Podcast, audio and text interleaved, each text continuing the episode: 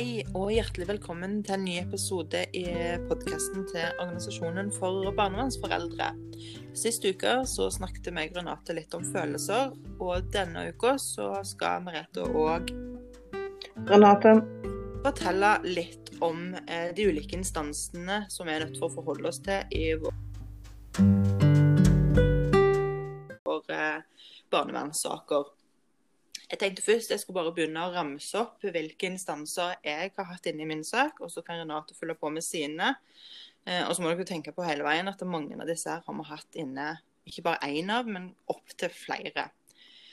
Eh, jeg har hatt inne fastlege. Eh, noen av de samarbeider vi med, og noen andre må vi bare forholde oss til, rett og slett fordi det er det omstendighetene krever. Men jeg har hatt fastlege, to. Jeg har hatt flere behandlere på DPS som jeg har vært til. Har vært i kontakt med helsestasjon, jordmor, barnehage, skole, fosterhjem. Eh, familieveiledere, stort sett eh, eh, eksterne i forhold til barnevernstjenestene. Nav, ruskonsulent, sakkyndige, advokater, PPT, familievernkontor, psykisk helsevern og selvfølgelig en drøss eh, saksbehandlere fra barnevernstjenesten. Har du noen du vil fylle på, Renate, eller har jeg tatt med de fleste? Du har klart de fleste, men eh, jeg hatt inne ambulant team. eh, men det er jo BUP. eh. men jeg, jeg brukte jo òg prest. Ja. eh, helt først i saken min. Ja. Ja.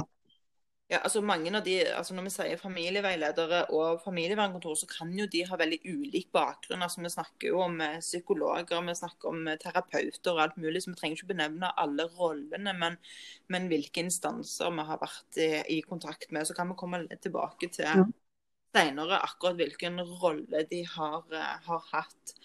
Eh, og noen av de som vi har samarbeidet med opp gjennom året altså Jeg har jo en ganske lang sak. altså min, min Barnevernet kom jo først inn i, i livet mitt som ung mamma i Når var det? 99? Eller 2000?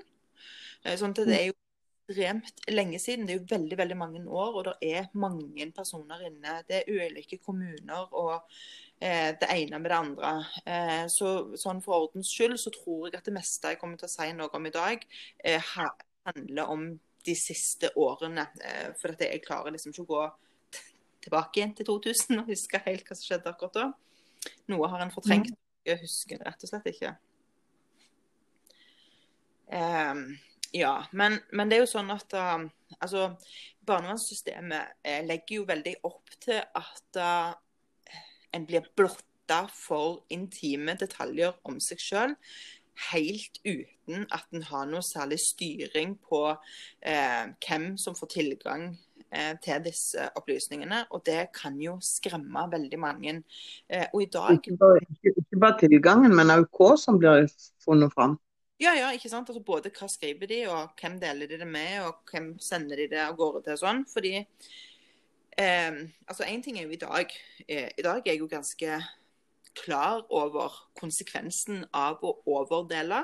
Eh, og jeg er òg ganske klar over hva et samtykke egentlig gir tillatelse til. Eh, mens jeg, eh, når jeg sleit eh, som ung i barnevernet, eller ungdom i barnevernet, så var jeg jo ikke klar over at disse opplysningene som de nå både observerer og ting jeg forteller, blir smelt i trynet på meg eh, 20 år senere. Det er en sånn smertelig eh, oppvåkning som skjer eh, ganske brutalt når, når du blir det bevisst. Um, og så er det jo noen av de instansene jeg har samarbeidet med som jeg opplever har eh, ivaretatt mitt personvern på en ryddig måte. Og så er det noen som jeg opplever at overhodet ikke har vært eh, like ryddige i den håndteringa. Ja. Um, og det er jo um, Det er jo litt trist, for noen av de som rams, jeg ramser opp nå, har jo en hjelpefunksjon i forhold til foreldrene. Altså Mange foreldre har jo gått på BUP den gang de var unge, og så ble de overført til DPS når de ble voksne. Eh, mange er, av foreldre som har slitt med rus, har jo gjerne hatt en, en ruskonsulent. Eh, og vi har eh, vært på familievernkontor og fortalt om eh, problemer. Vi har gjerne fått oppfølging av psykisk helse i forhold til angst eller depresjon eller andre ting som vi, vi strever med. Og så eh, eh, Når du da ber om hjelp hos disse instansene, og så senere så skal barnevernstjenesten bruke det i verst tenkelige eh, situasjon eller setting, eh, helt sånn uten å ta med kanskje sammenhengen på hvorfor dette her har oppstått, så skaper jo det veldig mye angst og frykt i, i veldig mange. Um, og hvis jeg skal liksom gå gjennom tenker jeg sånn, altså Fastlege Jeg opplever aldri at min fastlege har eh, Eller ingen av de to fastlegene som har vært involvert i de siste ti årene, har eh, tråkka over den grensa som jeg tenker at en fastlege skal ha. Eh, de to forespørslene som ble sendt fra barnevernstjenesten til fastlege, syns jeg ble besvart på en ekstremt ryddig måte. Eh, fordi min fastlege var eh, Jeg hadde involvert han mye, så han visste jo veldig mye om hva det gikk i, og var nok veldig klar, smertelig klar over hvor skadelig eh, informasjon eh, kan være i feil hender.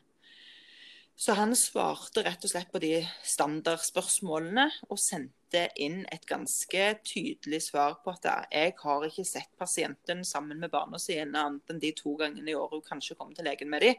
Eh, så det kan jeg ikke uttale meg om. Og resten var liksom Så, så jeg, jeg, jeg, føler at det har vært en plass der det i hvert fall tidligere var trygt å si ganske mye om hva som plagte, uten å være redd for at det skulle komme meg i retur en eller annen gang. Ja, har du lignende eller annen oppfatning av din fastlege? Hvis vi skal bruke min liste som en ja. slags gjennomgang. Altså, Fastlegen, der ble jo hele medisinlista tilbake mange, mangfoldige år tilbake i tid levert til barnevernstjenesten. Ja, så da kunne de spekulere i hva, eh, hva den og den salven var brukt til, og hvorfor du trengte den og den operasjonen? Nei, bare medisinlista, ja. ja. ja. eh, hvorfor jeg brukte to penicillinkurer i 2000 og bla, bla, bla. Ja. Hvorfor jeg hadde Hvorfor jeg gikk på allergimedisin. Um, ja. Og noe visste de jo ikke hva var for noe, så det spurte de meg om. Fordi ja. de Barnevernstjenesten kalte meg jo inn på et møte der jeg måtte sitte og forklare den medisinlista, hva det var for noe. Ja, Hadde vært lettere å ta en telefon til fastlegen og spurt, kanskje?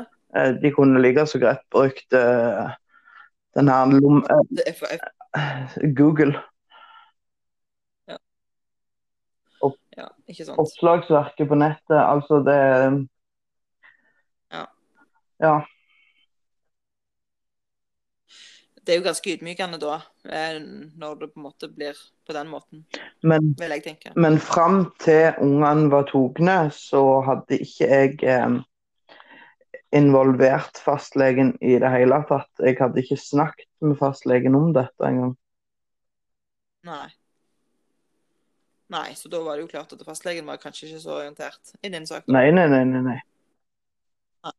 Han var ikke orientert i det hele tatt, han. Han Nei, men jeg gikk jo til ba om hjelp, og han meldte da bekymring på vegne av det jeg hadde gitt beskjed om. Ja. Mm. Men gjorde det på en veldig veldig god måte, og i samarbeid med meg. Det var ingenting sånn bak ryggen min, og ikke noe sånn at det har du gått ut sånn. Det var veldig ryddig og greit. Alt som sto i meldingen, var jeg fullt klar over. og ja. ja. Ja, og så Jeg har vært i kontakt med BUP eh, sjøl, men det er så lenge siden at jeg later som det ikke har skjedd. Eller i hvert fall ikke jeg gidder ikke referere noe til det. Men jeg har med to anledninger vært i kontakt med DPS. Eh, eh, hva jeg tenker om det. Um, eller hvordan opplysningene jeg, jeg, opplever ikke at um, um, mine opplysninger på DPS DPS på noen som helst måte har svekka saken min eller eh, skada noe, selv om jeg har vært ekstremt åpen. Eh, så jeg tror òg at eh, behandleren min på DPS har gjort det samme som fastlegen gjort. Har svart på spørsmålene og ikke gjort sånn som de gjør i noen saker, der de bare omtrent sender hele mappa og bare leter og ser om dere finner noe spennende. Eh, Og var òg ekstremt tydelig på hele veien at jeg har aldri sett mor med barna. Eh, men i, i, teorien så kan du mange gode metoder i forhold til ungene, men jeg har jo aldri sett de sammen. Så det, jeg opplevde òg det som veldig, veldig ryddig. Mm. Eh, samtidig som på vegne av alle de som opplever at eh, ansatte på DBS, eller behandlere på DPS eh, tråkker over i grensa der, jeg, det er virkelig vondt og, og trist å høre. For dette, det, det er jo ikke sånn det skal være. Eh, noen steder må vi faktisk kunne fortelle om våre bekymringer uten å være redd for å få de verken i pannen eller i bakhodet på vei ut døra. Så ja jeg, jeg, tror, eh, jeg, jeg, vet ikke hva som er det vanligste, om det er vanligst å gjøre, at de gjør det på den måten de har gjort i forhold til min sak, eller om det er vanligst at de bare spyr ut informasjon. Men jeg tror allikevel det handler litt om kapasitet. fordi at uh, Hvis de har liten tid, så er det sikkert lettere å bare trykke liksom, print uh, et eller annet ut og, og, og sende det, enn det å sette seg ned og, og, gjerne gå litt gjennom dokumenter og finne ut hva det egentlig som står her om disse tingene. Hvordan skal jeg svare best mulig på det? Så jeg, jeg forstår jo at det noen ganger gjøres, men det er et grovt overtramp for, uh, for alle når det skjer. Ja. Um, I relasjon til DPS? Altså, DPS det, Jeg jeg har bare jeg har vært på DPS på utredning. Eh, barnevernstjenesten mer eller mindre sendte meg dit. Så Fiks, nei. nei. Det var det ikke de sa. De sa det Renate er så deprimert. Dere må hjelpe, mm. dere må hjelpe nå. Ja. Men det var den mest positive depresjonstesten de noen, hun noen gang hadde sett. Så det var ikke fare for jeg var deprimert, for å si det sånn. Uh, det var mer situasjonsbetinga enn en total depresjon. Ja. ja. Uh, men, det kan jo skje en liten sånn en. Ja, altså det, dette var jo i forbindelse med at de kom inn og tok ungene. Ja. Da skulle du vært på helt uh, smilende blid og glad? Ja. Og så skulle, skulle, jeg ikke vært så tung å snakke med. Nei. Uff. Og, og da smelte jeg den i Det hadde gått jeg er tung i ræva ikke i, i snakketøyet. Men tror du noen ganger at de sender oss av gårde til sånne instanser litt fordi at de vet ikke hva de skal gjøre med oss, så de må liksom bare gjøre over sitt sted? Ja. Eh, Eller Så lenge de ikke har noen mulighet for å, å, å gi noe hjelp sjøl, fordi de sa at de hadde ingenting mer å gi meg. Nei. Nei. Nei. Um, ja, men jeg skjønner jo det. Og det, dette, dette, var jo i forkant av uh, eller påvente av um, den sakkyndige rapporten. Altså ifra den sakkyndige var ferdig til uh, nemndsaken opp, da. Okay. Og jeg visste jo hvor vei det gikk, hallo. Jeg hadde jo fått vite rundt forbi og lest meg opp rundt forbi at gikk barnevernstjenesten for en omsorgsovertakelse, så vant de jo så å si 99 av alle sakene. Ja. Så, jeg, så selvfølgelig var jeg eh, deprimert. Altså ikke sånn deprimert, men jeg var lei meg for det som kom til å skje. Ja, det skulle jo nesten bare mangle. Eh, der får jo en haug med følelser gjennom kroppen som som en liksom skulle prøve å skjule for å ivareta ungene på best mulig måte. Ja. Uh, men når jeg da men, uh, Og det som kom fram på den testen, det sendte hun alt av til eh, barnevernstjenesten. Men på de vanlige standardspørsmålene så svarer du det. Ja, men jeg har ikke sett Renate med ungene. Jeg, jeg, jeg, kan ikke mene noe om det, for jeg har aldri truffet Renate og ungene. Det var det som gikk igjen ned gjennom på det skjemaet der. Um, gang nummer to når jeg var Da tror jeg ikke barnevernstjenesten henta inn den informasjonen engang. Nei. Nei, det er ikke sikkert. Det Iallfall ikke som jeg vet om. Nei, det var det. Men uh, for alt i verden. Det er en stund siden jeg har bedt. Så det, men uh, Men jeg er veldig godt fornøyd med mitt møte med DPS. Men jeg, jeg, hun, jeg sa jo det, bare send alt ned til, til, til barnevernet. For at det, var jo tross alt de som mente på at jeg var så deprimert. Og når hun sa at du er ikke deprimert, så tenkte jeg at da kan de få hele den testresultatet. Ja. Jeg lurer på om barnevernstjenesten er like opptatt av å få de dokumentene som på en måte avkrefter de tankene, mytene og teoriene som de har om oss foreldre. For jeg har jo hørt mange si det at det, eh, det hadde vært hyggelig hvis dere kunne innhente opplysninger hos de og de instansene. For der har jeg liksom en, en relativt god eh, tone med, og, og, de er jo en, av en annen oppfatning enn det kanskje barnevernstjenestene. Og at de eh, ikke blir ilagt så veldig stor vekt. Og så har jeg tenkt liksom sånn Ja, det handler sikkert om noe annet, men så leser en jo hele veien noen rapporter der at um, når eh, barn er enige med barnevernstjenesten, da blir de i stor grad lytta til. Ja. Men når de er uenige, ja, da får de jo ikke så mye plass i i, i noen dokumenter, for dette, da passer det liksom ikke inn. Og da tenker jeg litt sånn Så er de ikke modne ja, nok for alderen og Jo, men òg at de bare ikke lytter til dem, liksom. Eller ikke dokumenterer det de har eh, kommet fram ja, til. men hvis, hvis de dokumenterer, så er det de ikke modne nok for alderen. De vet ikke hva, de, de vet ikke hva det betyr. og Ser ikke konsekvensen av sine valg. Er lojale mot foreldre. Ja. I hvert fall hvis de er enige. Det går liksom ikke an at barn og foreldre er enige uten at det handler om lojalitet. Det handler aldri om reelle ønsker. Men, men.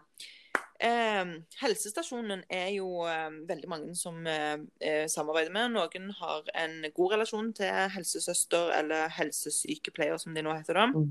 Eh, og vi har sikkert verdens mest fantastiske helsesykepleier på eh, helsestasjonen. Mhm. Eh, ingenting vondt å si om henne. Hver gang jeg kommer med en bekymring som barnevernstjenesten hadde tredd ned over hodet på meg, så sier hun sånn Å nei, det er ingenting som tyder på det hos barnet. Og det var bare så deilig. Eh, så det, det, jeg syns det var en veldig betryggelse å være der. Og selv om eh, Jeg er ikke helt sikker på hvor mange kontroller det er meningen at du skal være i løpet av det første året, men med, jeg var der hver tredje uke uansett. Ja. Ja, det er sikkert litt mer enn det skulle ha vært, men det var gøy. Ja. eh, jeg, var, jeg var mye mer med førstemann enn andremann, for å si det sånn. Men det var mer for at jeg var usikker ung mamma. Jeg var der mest på siste, jeg, for dette. Og det handler ikke om usikkerhet, det handler om dokument... Altså, jeg måtte ha en dokumentasjon et eller annet sted. Jeg var, gjorde noe riktig òg. Så det var jo litt sånn helgardering. Ja. Eh, jeg var veldig lite Vi gikk på de kontrollene vi skulle. Ja, og det er jo det som er det vanlige, da. Jeg gjorde nok ja, mer enn jeg trengte å gjøre, og det var sikkert unødvendig, men nå gjorde vi nå det. Ja. Jeg tror ikke noen tror det. Nei. Eh, noen barnevernsforeldre er jo òg gravide eh, mens de har barn som f.eks. bor i fosterhjem, Mm. eller at de av andre grunner er strengt bevokta av f.eks. Eh, barnevernstjenesten. Altså jord, at de har kontakt med jordmor. Ja. Enten det er frivillig eller tvungen hvis du har da rusproblematikk, sånn som jeg hadde, så var jo ikke det frivillig å være så mye hos jordmor som jeg var. Eh, jeg, jeg ble pålagt det pga. Eh, at de måtte følge ekstra med på eh, alle disse herrene, eh, rusrelaterte eh, faresignalene, da. Ja. Eh, samtidig på rustesting eh, gjennom hele svangerskapet. Så det eh, Jeg opplevde ikke at denne eh, denne jordmora her var var ille. Men jeg glemte å si noe om den andre helsestasjonen. For jeg var jo borti en annen helsesykepleier som var fra den kommunen som plasserte barnet mitt. og eh, Jeg var, hadde ikke mye med henne å gjøre, men hun var med i ansvarsgruppemøtene som jeg hadde i den eh, omsorgskommunen, holdt jeg på å si. Eh, og jeg husker at da, i løpet av alle altså, i, når du er, når, Jeg vet ikke om det er alle har det, men når jeg gikk gjennom rustesting, så var det jo de første seks månedene så var det jo tre ganger i uka, helst morgenurin. Ja. Og så fra måned seks, så var det jo måned syv, åtte, ni, ti, og da ble det jo um, annenhver annenhver dag, nei, to ganger i uka. Eh, og i løpet av alle de prøvene så har jeg to prøver som er 3,0, og 3,0 er liksom grensa for at det, altså Hvis det er under det, så er den ikke gyldig pga. at da er den så utvanna. Og jeg hadde to prøver som var på tre, eh, og de hang hun seg så opp i. Altså at jeg hadde to prøver som var tynne. Ikke at jeg hadde gått, at de var ikke liksom u, eh, Og de var langt fra hverandre. Det var liksom sånn nesten et halvt år imellom de.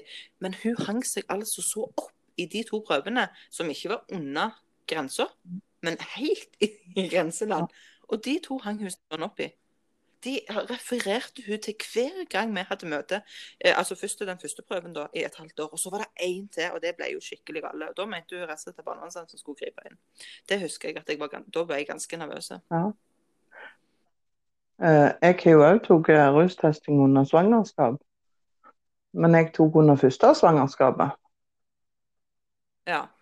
Og det var jo pga. at jeg hadde hatt en rushistorikk noen år før jeg ble gravid. Ja. Og dermed mente jordmor på at hvis jeg bare tok de prøvene, så, så slapp jeg kanskje unna eh, maset fra eh, barnevernstjenesten på et senere tidspunkt om akkurat det. Ja, det var ganske fornuftig å tenke. Eh, så jeg, under hele svangerskapet, så gikk jeg en gang i uka og tok rustester. Ja. Ja. Men nok det er mer for sånn sikkerhets skyld enn for meg, der det faktisk var Jo, stor fare for rus. Så slutta jeg bare sånn. Jeg slutta jo på dagen eh, når jeg fant ut at jeg var gravid, så det var jo ikke en sånn at jeg hadde holdt meg i mange år, liksom. Det var jo bare noen uker når jeg fikk eh, svangerskapet bekrefta. Ja. Så det Ja. Eh, noen samarbeider jo både med eh, barnehage, skole, SFO, mens noen bare skole og noen bare barnehage eh, ennå, foreløpig. Eh, jeg har jo hatt alle eh, sammen eh, samtidig. Eh, jeg må si Jeg syns òg at da, barnehagen opplevdes som en trygg plass å være.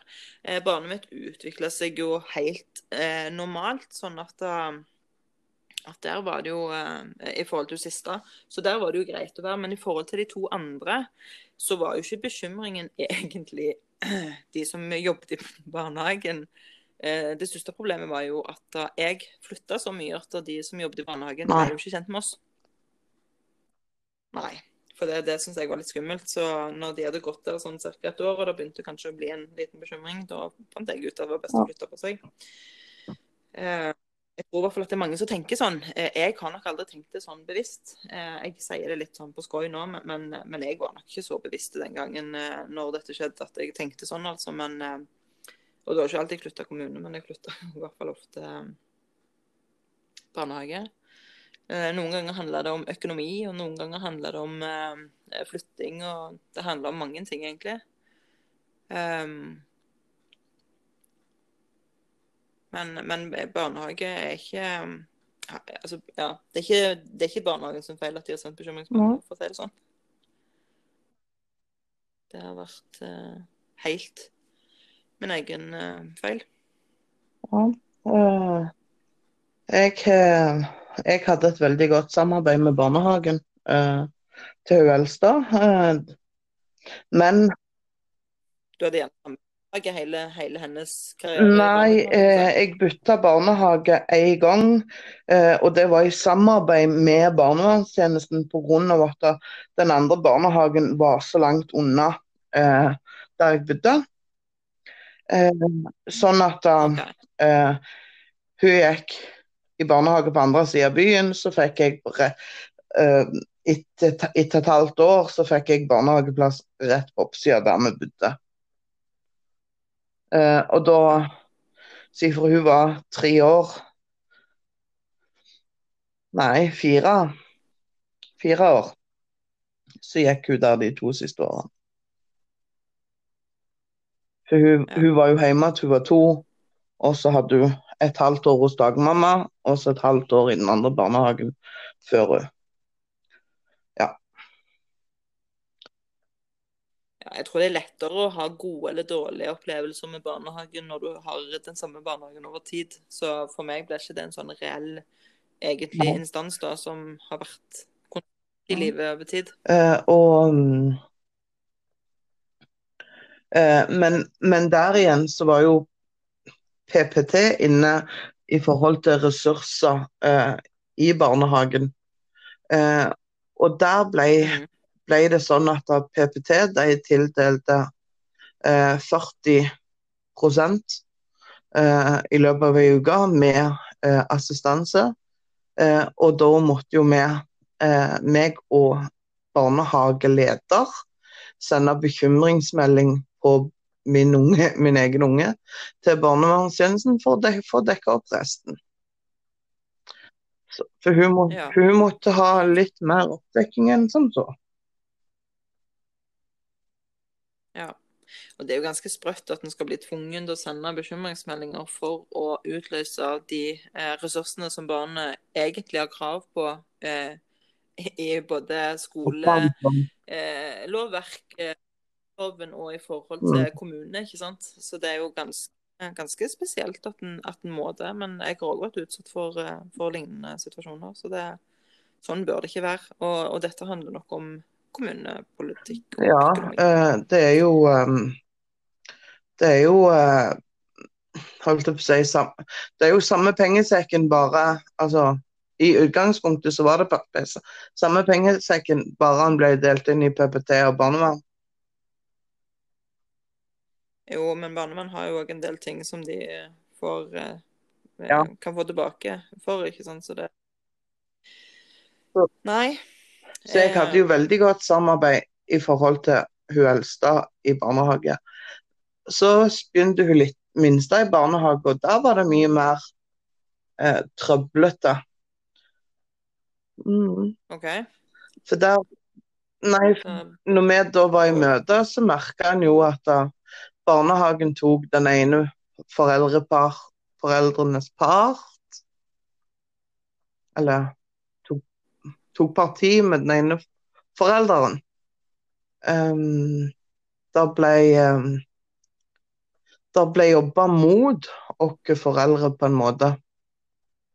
Det ble ikke jobba for barnet, men det skulle også jobbe mot oss som foreldre. OK. Det føles jo ikke noe bra. Nei. Men um, det Og det, det gikk ett og et halvt Gikk der ett og et halvt år. Et, nest, jeg gikk vel nesten Nei, hun gikk i barnehage i to år før hun ble tatt, ja. Hva tenker gjør du deg om at det var så forskjell på at det ene barnet der opplevde du å få hjelp og støtte, og så kommer det inn et annet barn, samme mor, eh, og der er liksom eh, utfordringsbildet og samarbeidet helt annerledes? Hva tenker du at det Kommunal og privat barnehage. Det var, ja, Det- At det var andre Det, det første var private barnehager, og den andre var kommunale. Uh, og jeg så jo òg at da, i forhold til hva ungene fikk lov å gjøre, hva de kunne lage f.eks. til jul, var helt annerledes i private barnehager kontra eh, kommunale barnehager. Og den type ting. Sånn at jeg så jo veldig forskjell på akkurat det. ja. Eh, Men det er jo dumt at samarbeidet Altså, jeg tenker selv om det er dårlig økonomi, så er det eh, Så kan en lære seg å samarbeide. ja, ja, ja. Uh, Men uh, allikevel så blir det vanskelig ja. noen ganger.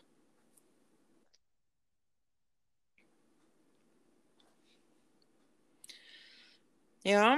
Har du hatt noe å Eller har du noe å si i forhold til SFO? Nei, nei de, det, det som jeg har med SFO og skole, det har vært helt OK fram Altså når, først, Jeg må snakke om hun eldste, for det var kun hun jeg hadde på skole. Uh, og Ja. første året var helt knirkefritt. Hun hadde en assistent som var helt fantastisk. Så går det et halvt år av andre klasse eh, der hun har hatt kjempestore problemer eh, pga. assistenten fra første klasse flytter jo. Så hun henger jo ikke med. Eh, og det går et halvt år før vi oppdager at assistenten som hun har i andre klasse, er livreddende. Um, hun, hun har et eget fag som heter YouTube. Hun gjør ingenting faglig på skolen. Hun får ikke lov å delta på noen ting sammen med klassen. Hun er kun på et grupperom alene. Av og til med lærer, av og til uten. Sånn at det, det har vært det var, det var, mye der, og så flytta hun jo da til far, og så fikk hun lov å bytte skole da. Eh, og det hjalp jo òg på veldig. Og der fikk Hva var det store? Hun fikk en lærer som jeg hadde på når jeg gikk på skolen. Ja, eh, men hun var veldig nyutdanna når jeg gikk. eh? Så nå har hun fått lov å være lærer i mange år og fått lov å lære seg. Men, men det som òg var, det var det at på den skolen hun flytta til, så var det mer kompetanse om hennes utfordringer. Um, mm. Pluss at da, noe av det som jeg sa, var jo det at det falt i verden aldri vis ikke, altså, En ting er at du kan vise at du er lei deg, men aldri vis av frykt. For da har hun, da har hun deg i den hule hånd. Um, ja. Så det, det, er jo Og så er du nødt for å ta kampene, sa jeg til læreren. Du kan ikke, du kan ikke bare gjøre sånn som de har gjort på den gamle skolen, at da, hvis ikke hun vil, nei, nei, da kan du sitte og se YouTube resten av timen. For da sitter du stille og rolig.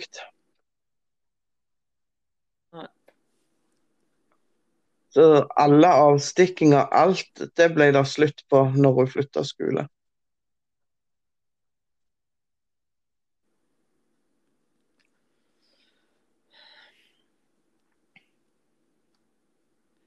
Ja. Eh, I forhold til skole, følte du deg som en eh, verdig samarbeidspartner? En likeverdig som de tok hensyn til og lytta til når eh, det oppsto ting? Sånn som nå sier du at du har en del erfaring med hvordan en skal håndtere ulike situasjoner. Opplevde du at de lytta til deg da, eller var det mer sånn at dette kan være bedre enn deg? Så, På den første skolen så var det ne ovenfra ned-holdning. Uh, ja. Mens på den andre skolen så følte jeg at da, OK, det, vi hører det du sier, vi skal prøve å teste ut litt. Men vi kan ikke love at det er det vi gjør, men vi skal iallfall prøve det. Uh, ja. Type. Uh, ja. Det, og, og, og, det hørtes ut som en god idé. og liksom sånn, ja, Nei, selvfølgelig skal hun ikke få lov å ikke gjøre matte. Det skal hun gjøre. Altså, naturfag, altså, hun skal gjennom fagene, hun får ikke lov å ha noe YouTube som noe fag. Um, det er jo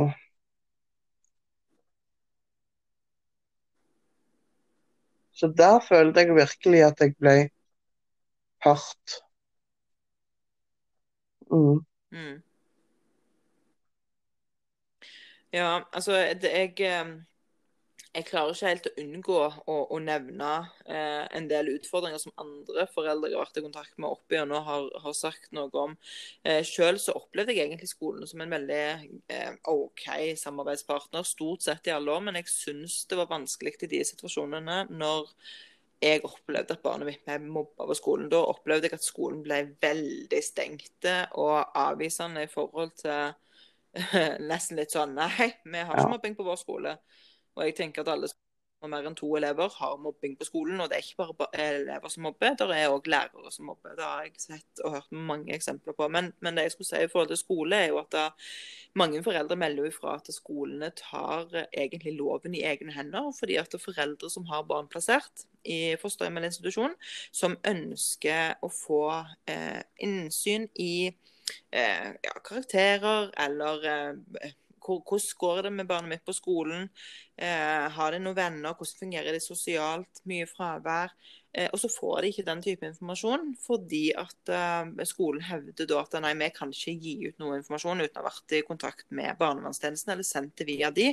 Sånn at eh, hvis skolen sender fullstendig mappa til, til barnevernstjenesten, så kan barnevernstjenesten sile ut de 5% de ønsker å gi til deg. Eh, og det er jo altså sånn, Så lenge foreldre har foreldreansvar, så er det jo ikke noe grunnlag til å nekte foreldre innsyn i eh, barnets eh, skoleprestasjoner. Så det er jo en ut som, som, veldig mange foreldre. Og det gjør jo òg at samarbeidet med, med skoler etter omsorgsovertakelse blir vanskelig. Fordi at en står på en måte og stanger litt og, har ikke, og får ikke fullbyrda de rettighetene som en som foreldre har. Eh, det er fy-fy til skolene som tar det ansvaret i egne hender, eller som bare forholder seg taust og ikke svarer foreldre fordi de tenker at dette er barnevernstjenesten sitt bord.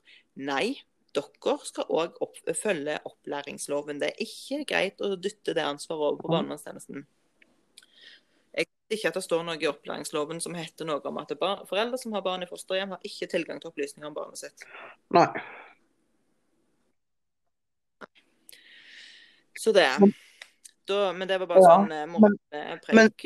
Men, men, det er òg ofte Altså, det jeg har hørt av andre igjen, der unger som kanskje har ligget litt frampå i enkelte fag, og da særlig type matte. Eh, der de har mm. Når de er ferdige med, med oppgavene for dagen, så har de andre i klassen så vidt begynt, for dette kan ikke de. og de ligger langt føre. og Når de da ber skolen om å finne noe som er vanskeligere til deres unge, så blir det meldt til barnevernstjenesten. Å, med grunnlag i rekkefølge, ja. eller?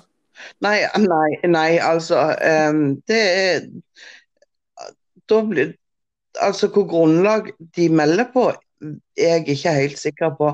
Men hovedgrunnen var at foreldrene tok kontakt med skolen og ønska mer for ungen deres. Ja, som en sånn eh, indirekte kritikk tar skolen det som da, sånn at de handler ut ifra at de blir kritisert av at de ikke ja. gjør jobben godt nok, kanskje? Eh, men som vi har snakket om tidligere, så er det jo òg sånn at eh, vi opplever jo ofte at eh, når, når eh, eh, de vanlige instansene i kommunen ikke kan ivareta det de skal ivareta, altså ivareta barn i barnehage og barn på skolen, så har de sånne type standardiserte tiltakspakker da, så de setter inn for type atferd som er litt uønska. Eh, og, det gjør de jo kanskje ikke sånn med store ressurser, men de gjør bare noen sånne småforsøk. Og så, eh, når ikke de funker da, så er de veldig kjappe til å melde fra til barnevernstjenesten om at her er det ygler i mosen, fordi at den vanlige tiltakspakken vår virker ikke mot den problemstillingen. Så det må jo være foreldrene det er noe galt med. Eh, opplever vi jo eh, stadig, til stadighet at barnevernstjenestene får enorme arbeidsmengder å jobbe med. For det er ting som egentlig burde ligge til skole, til barnehage, til type PPT eh, og BUP, blir dytta inn i barnevernstjenesten fordi at det ikke finnes midler, eh, i, altså penger og ressurser til å sette inn tiltak som faktisk virker mot barna. Og da blir på en måte foreldrene litt sånn syndebukken. Eh, og Vi har jo også stilt oss spørsmål om dette og handler rett og slett om de erstatningspliktene eh, som eh, trer i kraft dersom skolen eller kommunen da har svikta barnet i, eh, i, det tilbudet de har gitt. Men med en gang det er foreldrene som er syndebukken, så vil jo et erstatningssøksmål mot kommunen falle på sin mm. egen urimelighet. Så dette her òg gjør jo at mange Eh, foreldre vi er i kontakt med, har veldig liten tillit til barnehage, til helsestasjon, skole, SFO pga. Eh, meldingene som da hagler inn. Og vi, må, vi, har jo lest ganske mange rapporter og ser jo at eh, mye av eh, andelen meldinger kommer fra ja. skolebarnehage. Så um, kanskje en oppfordring til, til de instansene om å ja, være kanskje litt mer eh, rause på tiltakene sine. og Ikke melde til barnevernet bare det er litt utfordringer, litt humper i veien. For det, det, stjeler veldig mye ressurser fra de familiene som virkelig trenger hjelp av barnevernstjenesten, når uh, barnevernstjenesten må ha fire møter i barnehagen bare fordi de dekker en barnehageregning som egentlig Nav kunne Mm. tatt på sin kappe.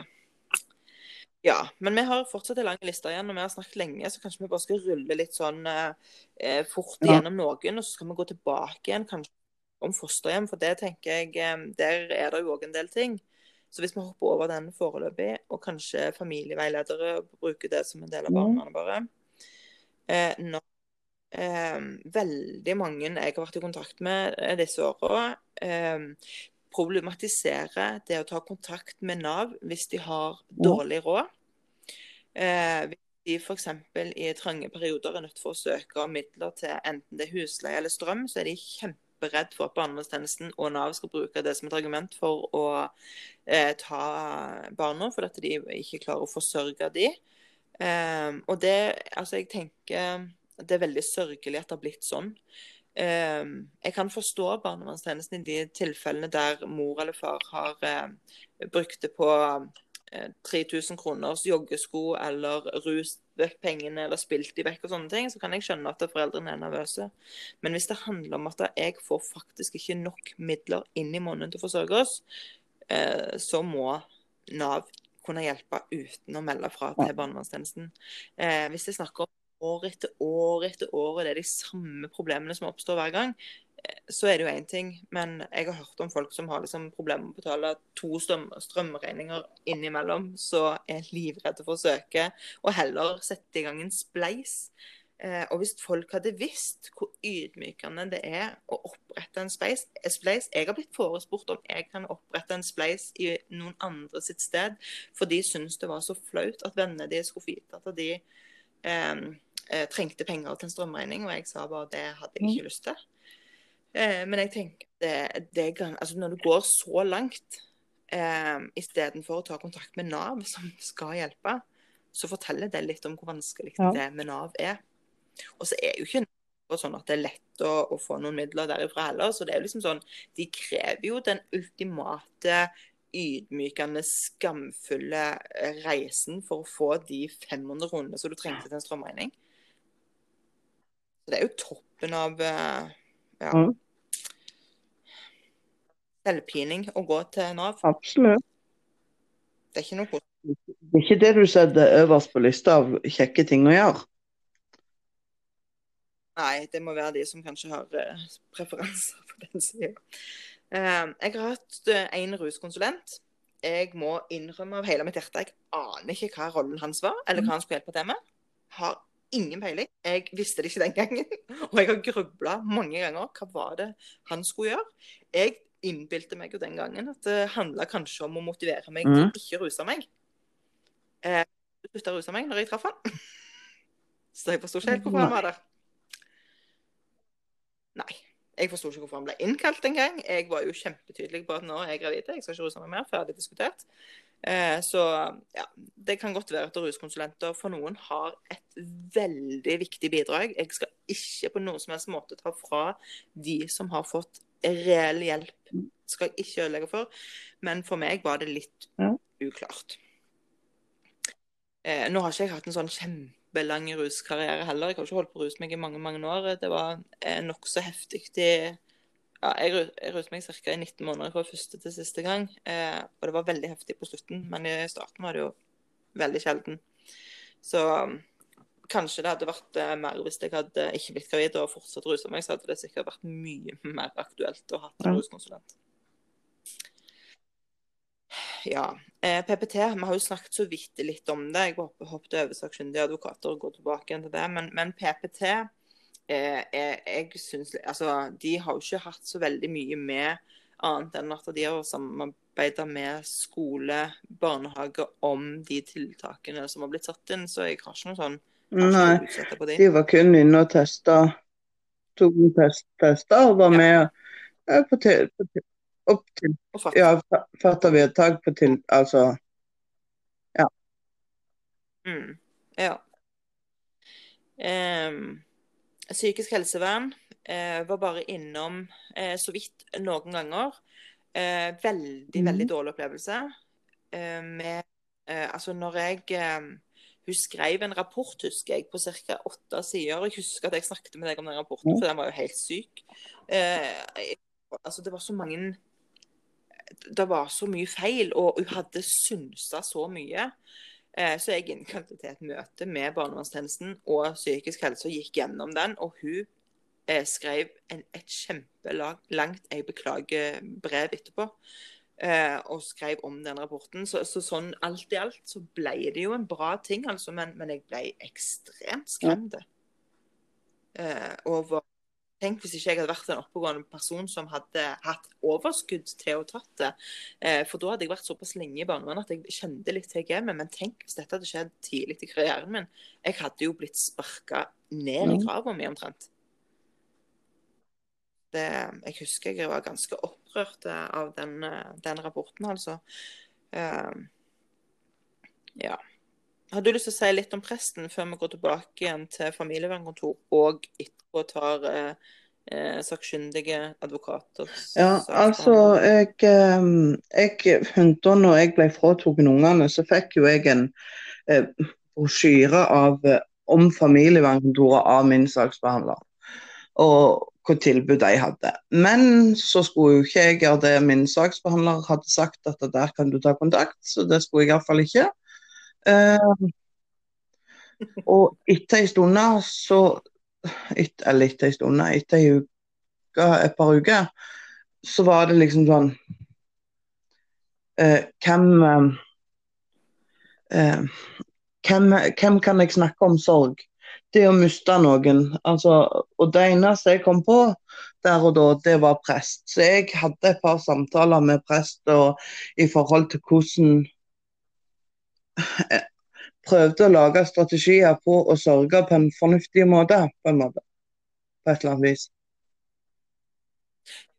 Var det fordi du sjøl følte at du sørget feil eller annerledes enn det som var normalt, eller var det fordi noen andre hadde fortalt deg at du sørget på en underlig, spesiell måte? Det var vel heller det at For jeg var jeg var jo sint. Uh, og jeg vet jo det at sorg kan sette i gang masse følelser. Uh, hos meg var det meg, hos meg var det sinne. Eh, jeg var fly, jeg var fly forbanna. Ja. Eh, og for å klare å hamse meg på plass til en plass der jeg faktisk kunne ha det greit med meg sjøl, så kjente jeg at jeg trengte noen å snakke med. Ja. Eh, og jeg, eh, jeg, angrer ikke på det jeg gjorde. Eh, jeg kan ikke si at jeg er den som renner ned kirka. Jeg var i kirka i fjor i et bryllup, og til neste år skal jeg gå i en konfirmasjon. Så det er, er ikke så veldig tittgjeng, da. Nei. Nei. Men du fant likevel trøst og nyttig i det han uh, sa? Jo, men altså, han altså, Der gikk vi gjennom det som Altså i forhold til sorgfasene, de fire sorgfasene. Hvordan, hvordan sorg fungerer på kroppen, hvordan du kan føle deg. Eh, hvordan kan du prøve å endre tankesett når du, når du blir forbanna? Hva er det lurt å tenke på da? Når du syns ting er urettferdig, hva bør du gjøre da? Altså, det var ikke det der Altså Det var en gang han spurte om han kunne be for meg, og det var that's it på de gangene jeg var der. Sånn at det, det var ikke noe sånn at det var veldig Halleluja. Det var ikke halleluja rundt, rundt dette og noe håndspåleggelse og ingen, ingen verdens ting. Dette var helt Altså helt nagent uh, ja. sorgsnakk, rett og slett. Det, det til å kunne um, Det til å kunne putte OK, den sorg Det hører til sånn i sorgen, det hører til sånn uh, når, jeg, når, jeg, tenker sånn, så det er sånn. Ja. Så det var ikke noe som, som var noe voldsomt halleluja. Men så vet jeg jo om andre som har blitt nekta til å komme og, og snakke med presten når sånt har skjedd. Ja. ja, altså det er jo Ja, men, men i dag eh, Det er nok noen som får hjelp òg. Det var nok en veldig uheldig episode, akkurat det hun som ble nekta sorggruppe fordi det var feil type sorg hun hadde. Um, og det er jo mange av oss som kjenner på det, at den sorgen som vi har, er litt sånn forbundet med skam og forbudt og sånn, fordi barnet vårt er jo ikke dødt. Eh, men vi har ikke tilgang på det likevel. Så det er en, det er en veldig splitta ja. eh, Men eh, akkurat den presten jeg traff, han var helt fantastisk. Ja. Han var, han var ikke mer enn et menneske, han heller, som faktisk hadde hatt noe arbeid med så. Altså, han arbeider jo med altså, Jobben hans består jo med omsorg og, og sånt. Altså ja. Han snakker jo mer med folks pårørende som står igjen etter, etter etter en eh, holdt jeg på å si, begravelse enn han gjør med folk etter de har via seg. Da, mm. Så de, de, det bør jo være rett instansen for mange, men så er det mange som vegrer seg òg fordi at de gjerne er redde for at da, denne her halleluja eller veldig gudsentrerte samtalen skal komme inn. At det er bare å venne seg til Gud eller Jesus, og så er liksom problemene løst. Eh, og de kan jeg òg forstå, for da finnes jo òg de prestene. Så det er jo veldig bra at du fant en prest som du eh, følte ville ta ja, din Ja, eh, men jeg kan jo òg si det sånn at jeg visste jo hvem prest jeg skulle spørre etter når jeg ringte eh, kirkekontoret. Eh, jeg, på grunn av at han har konfirmert meg. Altså, ja, ja, så du hadde jo en relasjon? Han, han visste jo hvem jeg var når jeg kom. Um, men han visste òg mitt Altså, så lenge han konfirmerte meg, så visste han òg mitt syn på det kristne. Um, og det Det skal jeg ikke snakke her om. Men Nei, det tenker jeg det, det, det, tenker jeg at det får, får, det får være mellom meg mellom meg og de andre. Mm. Ja. Hvis vi skal gå litt sånn videre, da, så tenker jeg at siden tiden har gått såpass mye, og at vi tidligere har snakket ganske inngående om de ulike fosterhjemmene ja. og samarbeidet der, så går vi ikke særlig inn akkurat her og nå. Jeg kan bare si at vi forstår at noen foreldre har fått til gode samarbeidsrelasjoner, og noen ja. gjør det overhodet ikke. Eh, og at som organisasjon jobber med brobyggerprogrammet, som vi håper at flere foreldre og fosterforeldre skal få tilgang til i årene som kommer, sånn at samarbeid mellom eh, foreldre, fosterforeldre og barnevernstjenesten kan bli styrka. Ja, men, men så kan vi vel òg oppfordre at det, det blir ikke godt samarbeid uten god kommunikasjon. Altså et, et, et, et, lite stikk til både barnevernstjenester, fosterforeldre og foreldre. Alle må faktisk eh, samarbeide. For Ja. Eh, men uansett så legger vi mest ansvar på fosterforeldre og barnevernstjeneste, som tross alt er de profesjonelle og betalte i dette partnerskapet. Så har det største ansvaret, og det faller på sin egen urimelighet å kreve like mye av foreldre som er så sårbare og har Absolutt. det kjæreste men, men, men, en må kanskje ha yes. en innstilling til at vi kan det kan være greit med samarbeid. Ja da. Det, det, det er viktig for mm. at en klarer å samarbeide. Eh, og så tenker jeg at vi kan si litt om eh, vår eh, relasjon til familievernkontoret før vi går inn på dette her med sakkyndige og sak og mm. advokater og litt sånn. Eh, så hvis, vi, hvis, du begynner å si litt om, eh, om din relasjon til familievernkontoret først, så kan jeg på. Som jeg sa i stad, når de henta tingene til jentungen, så fikk jeg en lapp der det sto om familievernkontoret sitt tilbud. Um, og jeg, tok, jeg, skulle jo ikke ta kontakt, men etter det var gått et halvt år, så tok jeg kontakt allikevel. Um, da kjente jeg Da hadde jeg vært hos prest. Jeg, måtte, jeg måtte videre. Og jeg gikk i enesamtaler med familievernkontoret i godt et halvt år. Og så eh, fikk jeg eh, beskjed om at uh, OBF og familievernkontoret skulle ha et seminar på Bryne. Der samvær og eh, brukermedvirkning var, var, ja, var tema. Eh, og det, det, var jo der jeg traff deg for første gang. Uh, og så Jeg var på det. Etter det så begynte jeg å bruke familievernkontoret sin, sitt tilbud som de hadde på Bryne og Stavanger, med eh, grupper for foreldre fratatt omsorgen. Og det var eh, Det gjorde veldig godt for meg, eh, og har fått meg til å komme mye lenger på ganske kort tid, i grunnen. Um, for det å treffe andre foreldre som er nesten på, altså, på langt nær på samme plass, men allikevel på en sånn måte at du kan kjenne deg igjen. Mm? En har liksom noe til felles, iallfall. For om det ikke er sammenlignet, eller historiene kan sammenligne, så har en liksom Det, det er noen felles ja, ja, ja. som er ganske vesentlige. Og så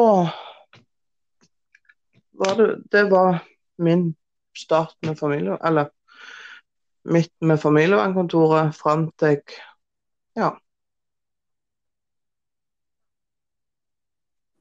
ikke trengte ja, mer. mer? rett og slett. Nei, nei altså jeg, jeg har jo vært med i OVF sitt eh, samarbeid med de i forhold til SKM, altså spisskompetansemiljø som de har på Bryne. Um, jo, men samme som å, å, trenge det individuelt som å delta nei, på, på, brukernivå? På, på brukernivå så avslutta vel jeg med, bruker, altså med gruppa um, når den ble avvikla. Mm. Ja. Ja, jeg har jo aldri eh, brukt familievernkontor eh, sånn individuelt. Eh, den eneste kjennskapen jeg hadde til familievernkontoret før eh, OBF begynte å samarbeide med dem, handla jo om eh, mekling. Eh, så, så, jeg visste ikke så mye om hva familievernkontoret kunne drive med. Men fra altså professor Tor Slettebø eh, eh, kom i snakk med meg angående dette prosjektet som, eh, som Bufetat skulle inn i, med oppfølging av foreldre. Eh, og han, når han snakka, så, så, løp tankene mine litt sånn løpsk, og jeg fikk en del sånn ideer om hva jeg kunne ønske at familievernkontoret drev med. Eh, og det var jo eh, på bakgrunn av den erfaringen jeg hadde med, med mekling meklings, mellom eh, eh, foreldre, så håpte jeg òg at dette mandatet fra eh, eh, som, som, gikk på foreldreoppfølging, òg skulle dreie seg om rett og slett å mekle mellom barnevernstjenesten og foreldre når de så ekstremt mm. ulikt på saken. Eh, det mandatet som eh, jeg opplevde i starten, opplevde jeg som å være veldig tilnærma det. Og så ble det liksom mer og mer innstramma. Eh, men, men allikevel så syns jeg at det var riktig av Barne- og familiedepartementet å legge en del av oppfølgingen til familievernkontoret. For jeg opplevde at de foreldrene som hadde ekstremt stor konflikt med barnevernstjenesten, eh, måtte ha noe som kunne avlaste eh, og gi foreldrene et tilbud. Jeg er glad for at det er et tilbud og ikke et tiltak, at det er frivillig. Eh, og så ser vi jo òg at uh, veldig mange foreldre eh, er kritiske til dette tilbudet fordi eh, altså De fleste som jeg ser skriver kritikk, har jo aldri benytta seg av eh, tilbudet, men de har veldig mye meninger om det. Jeg opplever at de fleste som, som har benytta og prøvd eh, tilbudet, er veldig fornøyde med det de har fått. Både møte med veilederen har vært positivt, helhetsopplevelsen, helhetsopplevelsen, -hmm. hvordan de har blitt ivaretatt. Eh, og eh, ja, så sånn at alt i alt så tenker jeg at det er bra. Eh, jeg har jo òg lenge vært eh, gruppeleder for det gruppetilbudet som eh, familievernkontoret i Rogaland hadde på Bryne mm. og i Stavanger før. Eh, jeg opplevde òg at gruppa var ei god gruppe å være i. Eh, det ble fort en litt sånn sosial gjeng. Eh, vi kunne snakkes både på møtene og mellom møtene og utvikle gode, langvarige, livslange vennskap. Eh, og jeg tror at eh, Jeg tror at det har vært mer medisin enn alt andre til sammen. Hvis jeg skal være helt ærlig. Eh, det å oppleve å snakke med noen som du ikke må detaljforklare every fucking thing. Mhm. Jeg tror det er veldig befriende for oss som har Ja. stått i systemet så lenge. Å bare bli forstått uten å forklare i detalj. Eh, når jeg sier at jeg har hatt et jævlig møte med saksbehandler i dag, så er det ingen som spør å, hva da for? Mm. Det er liksom alle forstår. For det har de jo gått eller annet tidspunkt så har du opplevd eh, en sur kontaktperson som du overhodet ikke har lyst til å snakke med. Eh, eller et vedtak som er tredd ned i ørene på deg. Alle forstår, og det, det syns jeg er veldig befriende.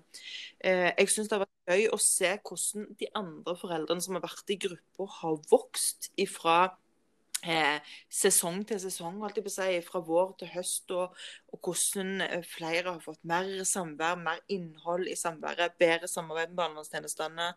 Eh, til dels eh, noen har fått bedre relasjon til fosterhjemmet. Jeg, det er eh, ting som jeg syns er bra med det. Og så hadde vi det eh, seminale kurset da, med familievernkontoret og OBF, som jeg òg syns var Mm. veldig, veldig bra. Eh, og viktig. Eh, det, de betalte, og vi hadde på en måte innholdet. Vi sto ansvarlig for innholdet. Eh, der møtte vi jo veldig, veldig mange foreldre òg som, som eh, Ja. Sånn at jeg, alt i alt så, så er jeg, jeg er veldig tilfreds med eh, arbeidet som familievernkontoret har gjort. Men skal jeg sette på en måte sånn pekefingeren mot noe, så må det nok være hvordan Bufdir har eh, eh, Ja, både eh, Altså, hvordan De auser opp om at «Wow, det skal være et tilbud, men de bevilger jo faen ikke penger til det. Til, altså, til å ut, utarbeide tilbudet, men til å drive det, så er det jo ikke penger. Nei, og det er, en, altså det er jo det som er så rart. For det, det er jo, eh, teknisk sett så er det jo barnevernstjenesten som er økonomisk ansvarlig for eh, Eller juridisk og økonomisk ansvarlig for denne foreldregruppen. Det som gjør det vanskelig at det er sånn eh, når det gjelder de foreldrene som tar kontakt med familievernkontoret, handler jo mye om at eh, de foreldrene har ikke lyst at barnevernstjenesten skal vite at de går der. Og hvis de da skal få en dekka, så må de sende den der dumme søknaden til barnevernstjenesten og fortelle at du, jeg går til familievernkontoret, så nå kan dere innhente opplysninger der òg. For det stedet er ikke heller lenger et fristed for meg. Og nå vet jeg jo, da selvfølgelig har familievernkontoret meldeplikt dersom foreldre er helt crazy og forteller at de skal gjøre noe galt neste gang de har samvær eller skal reise til utlandet. Mm, vi snakker ikke om det, vi snakker om at noen skal bare grafse inn i mappa i håp om at de finner noen godsaker. Eh, så, så det burde egentlig vært litt sånn at familievernkontoret burde vært et fristed for foreldre der de kan få lov å blåse ut litt sånn ukritisk om det strevet eh, som er i forhold til å forholde seg og finne nye roller i familien når du er uten barn, eller hvem er jeg i vennegjengen når jeg er den eneste som ikke lenger har Mm. altså, Alle disse tingene her, de kunne familievernkontoret fått lov å hjelpe oss foreldre med uten at vi foreldre skal tenke at åh, nå skal barne... dette skal òg barnevernstjenesten få lov å grafse i. Ikke dette skal jeg ha for meg sjøl engang. Eh, For, for når vi kommer til familievernkontoret, så har vi jo vært gjennom omsorgsovertakelsen. Når vi er mange av de andre instansene, så har vi jo gjerne ikke kommet dit ennå. Så da snakker vi jo ukritisk eh, det vi vet ikke bedre. Når vi kommer i kontakt med familievernkontoret, så har vi ofte lært den harde veien at det ikke er noe lurt. Så burde vært fristed for oss, der, eh, der barnevernstjenestene rett og slett stolte på at dersom familievernkontoret opplevde noe som var ekstremt bekymringsverdig, så skulle de ta kontakt på egen hånd. Den tilliten virker ikke til å være til stede den veien. Så, men OK, det var det om familievernkontoret. Vi kan òg si at familievernkontoret, alle familievernkontor i Norge skal ha tilbud om individuelle samtaler til foreldre fratatt omsorgen for egne barn. Og det skal de, ha, eh, det skal de prioritere på lik linje som de prioriterer eh, familier med hjemmeboende barn. Eh, noen eh, familievernkontor har gruppetilbud Eh, noen har på en måte den der lukka gruppa som er sånn selvhjelpsgruppe. Noen har en litt mer sånn åpen, og noen har en slags sånn kursmodell eller en sånn eh, Hva heter det? Sånn eh, Når du går gjennom en eh, prosess, på en måte. Ja. Eh, forløp. sånn forløp eh, er, ja, De kaller det behandlingsforløp, men, men, jeg klarer ikke å tenke at familievernkontoret behandler noe, så det er litt vanskelig. Men prosessforløp, da. og har faktisk kurs, og det er ytterst få som har det.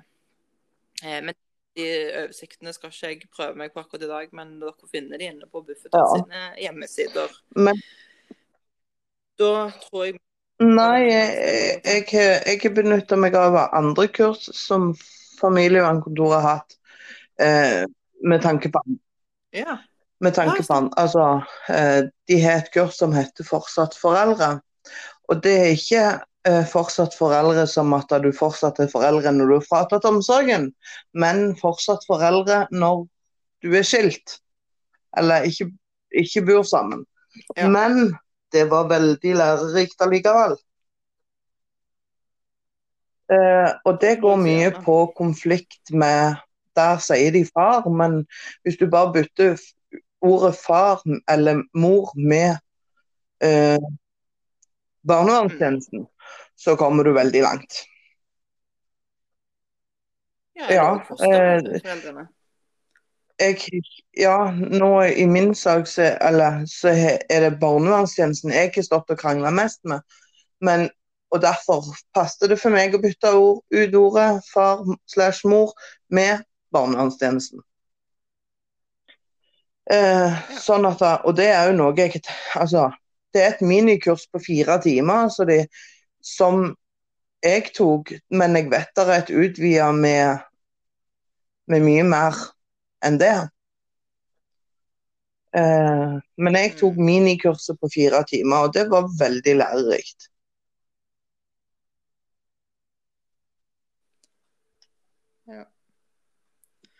Ja, nei, det er jo alt litt hva en har bruk for. Jeg har ikke hatt, eller eh, jeg har ikke deltatt på kurs, men jeg har hatt kurs i regi av familievernkontoret. Og det, det syns jeg var veldig lærerikt i seg sjøl. Og eh, ja, det gir jo Det gir godt grunnlag for å ha noen personlige prosesser òg eh, som eh, kursleder, må jeg innrømme. Ja, det vil jeg tro. Hva sa du? Ja, altså du tror at du har bearbeida noen ting ferdig, og så bare ops, da dukka det opp et uh, skjelett. yes, nei, vi prøver oss litt videre. Eh, jeg tror vi skal ta på en måte både eh, sakkyndige og advokater, for det er ikke så mye å si om advokater, bare et par sånne råd. Og så må vi gjerne gå litt grundigere inn i de ja. sakkyndige, kanskje. Eh, og det handler jo kanskje om altså, ja, eh, advokater. Vi kan begynne med det. Eh, vi får jo stadig vekk noen spørsmål, eh, både skriftlige spørsmål og muntlige spørsmål fra foreldre som lurer på hvordan finne den eh, perfekte advokaten som eh, kan gjøre en endring i saken din. Um, og noen ganger så um, er det, det er ganske vanskelig å svare på. Eh, noen foreldre ønsker jo en litt sånn der eh, tøff og knallhard advokat som slenger lovverket i bordet og er, skal ta rotta på bannene, mens noen eh, er jo litt bekymra for den eh, type advokat, med tanke på at da, når advokaten er ferdig med sitt, så skal jo jeg tross alt samarbeide med den barnevernstjenesten som han har vært litt ugrei mot. Eh, og det tenker vi òg er en litt sunnere måte å, å um, tilnærme seg det advokatbehovet enn ja. den sinte personen. Men den tid, altså noen ganger så er det jo på sin plass å ha en som er litt tydelig på hva ja. som er greit, og hva som ikke er greit. Eh, og det er jo litt sånn um, Ja. Ja, noen ganger Jeg tenker at hvis du har et, et barn, en ungdom, som på en måte kanskje er i alvorlig eh, fare, altså fare for liv og helse, eh, så kan det jo hende at en advokat som er litt tydelig overfor barnevernstjenesten, er det som skal til for å få de riktige tiltakene. Men eh, hvis du har eh, eh, en sak som er litt sånn ikke helt tydelig omsorgsovertakelse, og du ønsker en tilbakeføring eller betydelig mer samvær enn du har fått tildelt, så, så ville jeg nok valgt en advokat som eh, heller hadde de gode poengene enn som eh, visste hvordan skulle denge lovverket i bordet, for å si det sånn. Eh, men det som liksom ramser opp navn på gode advokater, er jo veldig, veldig vanskelig, for det er så individuelt. Altså, Hva vil du ha hos din advokat? Eh, jeg er jo veldig sånn opptatt av at eh, du må være ærlig med meg. Du må ikke prøve å føre meg bak lyset. Ikke lov meg eh, full seier når det ikke er så veldig tydelig. Ehm, jeg vil veldig gjerne ha klar tilbakemelding om at du, den saken du ønsker å fremme nå, er usannsynlige. Det kommer ikke til å skje. Eh, og da, Jeg syns det er bedre enn å ha noen som lover meg gull og grønne skoger, og så går det rett vest. Eh, men jeg trenger òg en advokat som tror på saken min. Eh, som, har, eh, som tenker at dette er eh, gjennomførbart. Eh, jeg husker òg når jeg skulle gå for igjen eh, tilbakeføring, så, så, fikk jeg gode råd eh, fra advokaten min om hvordan bare det, bare måten jeg ordla meg i det møtet der vi skulle gå, eller fremme forslag om tilbakeføring, de teknikkene hun hadde lært meg på hvordan jeg skulle si det, var så verdifulle når vi satt der og skulle ha det møtet. Ikke minst altså, bare sånne der helt enkle ting. Eh, og at hun sa at hun så absolutt potensialet, var jo ting som var veldig viktige for meg um, den gangen. Uh, I dag har jeg gjerne et annet behov for advokat enn jeg hadde den gangen, fordi at saken er litt annerledes. Uh, nå trenger jeg òg en advokat som er god på barnefordeling, siden jeg ikke bare står i en barnevernssak, men òg en barnefordelingssak. Så her er det jo mange kokker og minst mulig søl, håpen. Uh, um, jeg har jo bytta litt advokater. Uh, ja. Og det å ha en advokat som før, før du kommer på møte, sitter og drikker kaffe med barnevernstjenesten uh, Jeg følte meg ført bak lyset. Uh, blir igjen mm. et, altså Eventuelt kommer med meg på møte til barnevernstjenesten, blir igjen og sitter og drikker kaffe etter møtet. Uh, Altså, der der er en haug Det er litt gøy som når eh, barnevernstjenesten og BUP eh, har eh, møte, og så innkaller de deg de siste 20 minuttene. Det er like Absolutt. liksom. Um, sånn at ja. Det syns jeg ikke var greit. og Derfor tenkte jeg det at lokale advokater, det var ingenting å satse på. Nei, det er egentlig et godt råd. Ja. små steder. Eh, altså. Mm. Og så prøvde jeg meg med en advokat ifra Halden. Og da Ja. Hva, hva tenkte du om da Var det greit, eller? Eh, når det var så, såpass lang avstand, hva, hva tenkte du ja, du om det? Var det greit? Avstand hadde, altså, avstand hadde jo ingenting å bety. Nei, jeg er jo litt sånn at jeg liker bedre å møte dem og snakke med dem på telefonen om så viktige ting. Men noen trives jo veldig godt med telefonsamtaler og ikke har behov for møte. Men det er jo alt. Eh, nei, for meg betydde ikke det så mye at han Han bodde der. Eh, ja. Og Ja, for han slutta som advokat. Ja. ja det er litt vanskelig å fortsette da. Så bytta jeg advokat. Eh, og så hadde jeg en runde i nemnda og tingretten. Og så stakk der en F i meg og tenkte nei, nå kjører kommuneadvokaten kjører med kvinnelige, eller kommuneadvokaten har kvinnelige. Min, min eks er kvinnelig advokat. Jeg òg skal ha kvinnelig advokat. Så da bytta jeg igjen. Bare for at det var et innfall jeg fikk der og da. Eh, og jeg har jo ikke hatt så mye med hun å gjort, annet enn at vi har skrevet en søknad i sammen. Så slapp vi Ja. den saken. Ja, ikke sant. Og det er jo det som er det beste. Altså Hvis du har en så god advokat at du faktisk klarer å komme til gode løsninger med barnevernstjenesten uten å gå til sak eh, Jeg, for meg var det altså. mm, akkurat sånn som situasjonen er i 2020, så hadde ikke jeg, jeg hadde ikke orka en rettssak oppå alt det andre jeg står i i, år. Sånn at um, Nei, jeg jeg, um, jeg er veldig takknemlig for at det ble som det ble. Eh, Men, men på, på nettet så, så flommer det jo over av eh, ja-advokater, nei-advokater, eh, drittadvokater, fantastiske advokater. Og allikevel, så, liksom hvis du leser nedover de kommentarfeltene, eh, så, de som, eh, så, så går det jo igjen at noen er kjempefornøyd med eh, Vi kan ta en sånn eh, kjent eh, advokat, Olav Sylte. Mange er kjempemisfornøyde, og så er det noen som er Ja. kjempefornøyde. Jo vanskelig for meg å tenke at da er han en drittadvokat. Det er jo alt etter hva, om det treffer det behovet du har. Og for meg er det ikke sånn at da, hvis advokaten min taper saken, ja, Nei. da er han dårlig. Det kan jo hende at saken Ja. er en dårlig utgangspunkt, og at vedkommende ikke Han kan ikke trylle, han er jo en han er jo ikke en magiker. Eh, og det tenker jeg at mange foreldre vil nok være skuffa hvis ikke advokaten klarer å un gjøre underverker i saken. Men for meg er òg tilgjengelighet ekstremt viktig. Altså når jeg sender mail, melding, ringer til advokaten min, og det går liksom ei uke og jeg ikke har fått svar, det tenker jeg ikke er greit. Da vil jeg i tilfelle ha svar på at beklager, jeg er i retten, jeg ringer deg eh, neste uke. Ikke bare jeg hører ingenting. Eh, jeg, har, jeg har aldri å ha en sånn advokat som ikke er tilgjengelig, altså. Men, men jeg hører mange si det, at de må gjerne ringe og purre. Fordi at advokaten har egentlig ikke så lyst til å gå i dialog med barnevernstjenesten, eller kjenne at det eh, klienten ber om er litt ubehagelig. Ja, da er det, det, er litt, det er litt stress. Du kan ikke være advokat.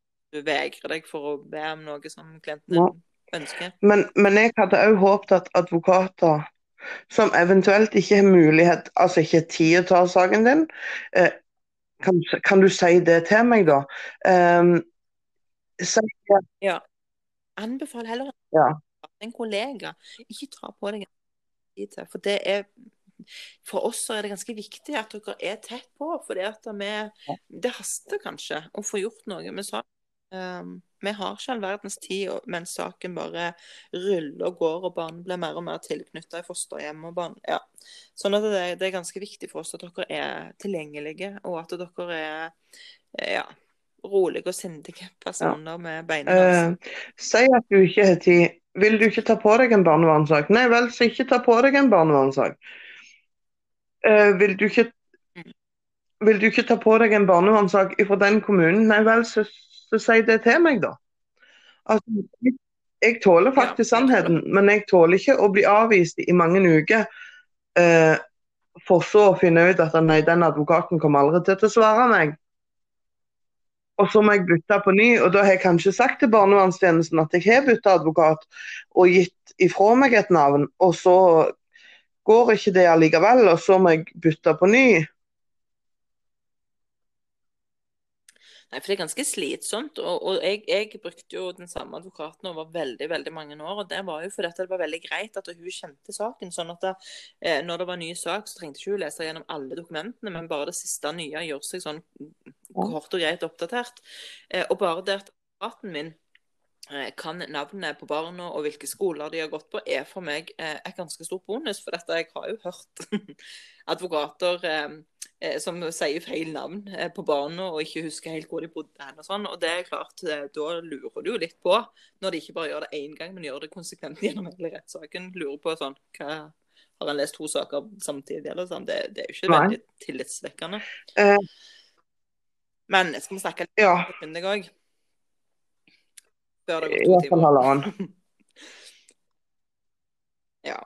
Eh, sakkyndige, ja. Altså eh, Hvor mange har du vært borti? Du har ikke vært borti så mange, men du har vært borti så Ja. mange ganger. Du, har vært, du er en av de veldig heldige som har fått lov å være i en prosess med den sakkyndige. Det får jo de aller færreste anledning til, for de fleste får jo en ny hver Ja, men- gang. Eh, på godt På godt og vondt, ja.